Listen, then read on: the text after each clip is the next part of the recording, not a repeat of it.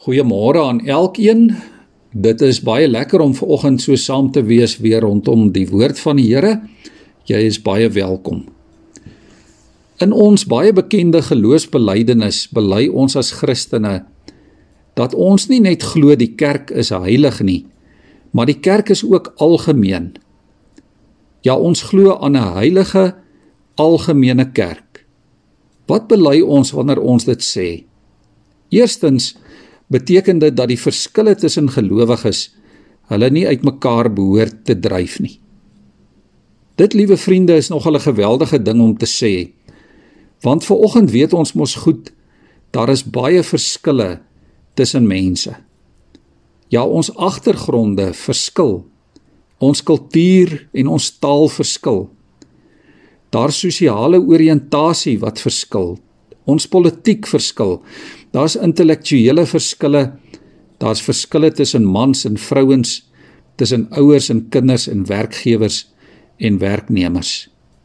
Op alle vlakke van die lewe is daar verskille. Maar die kerk van die Here is algemeen. Dit beteken dit strek oor verskille en oor grense heen. Natuurlik beteken dit nie dat ons menslike verskille sommer soos mis voor die son sal verdwyn nie. Ons is ook Christene en ons is nie almal eenes nie. 'n Mens kan ook trots wees op jou unieke individuele andersheid. Ja, ons is as gelowiges nie eenes nie, maar in Christus is ons een. Ons glo aan die een God wat homself in Christus en deur sy woord en gees aan ons bekend maak en ons eenheid in Christus oorspan alle verskille. Ons eenheid maak dat ons mekaar sien as broers en susters in die Here. Ons is deel van dieselfde geestelike familie of ons dit wil weet of nie.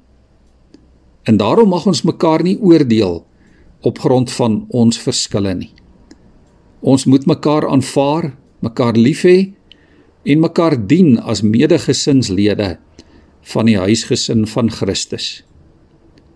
Dit is dikwels hartseer hoe volgelinge van Jesus mekaar uitmekaar skeer op grond van verskille.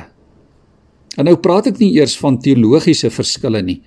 Ek praat van verskille in kleredrag, verskille in gebruike en tradisies en gewoontes wat kinders van die Here al dikwels in die verlede uitmekaar gedryf het. Liewe vriende, ek dink ons moet juis in hierdie tyd hierdie belydenis dat ons glo aan 'n algemene kerk weer ernstig opneem. Dat ons mekaar as gelowiges net onvoorwaardelik sal begin lief hê soos wat die Here ons elkeen liefhet. Daar is soveel siektes en oorloë en hongersnood en elendes wat hulle tol eis in ons wêreld.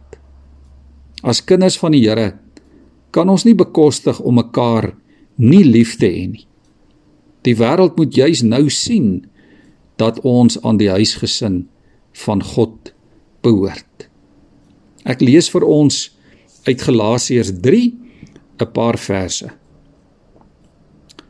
Deur hierdie geloof in Christus Jesus is julle nou almal kinders van God, want julle almal wat deur die doop met Christus verenig is, het nou deel van Christus geword.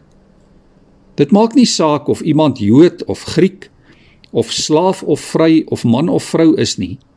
In Christus Jesus is julle almal een. En as julle aan Christus behoort, is julle ook nakommelinge van Abraham en erfgename kragtens die belofte van God. En omdat ons sy kinders is, het God die gees van sy seun in ons harte gestuur. En in ons roep hy uit Abba. Dit beteken Vader. Jy is dus nie meer 'n slaaf nie. Jy is nou 'n kind van God.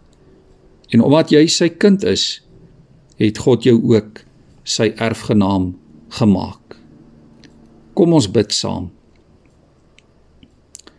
Here dankie vir medegelowiges dwars oor die hele wêreld Dankie Here vir mede-erfgename in Christus Jesus. Dankie dat U 'n Vader is wat al U kinders onder U vlerk verwelkom. Here, gee dat ons vandag lief sal wees vir U kerk. Dat ons lief sal wees vir ander Christene wat aan U kerk behoort. Help ons Here om vir mekaar te bid en mekaar te bemoedig. Leer ons om nie in ons verskille vas te kyk nie, maar om vandag met nuwe oë na mekaar en na U te kyk. Amen.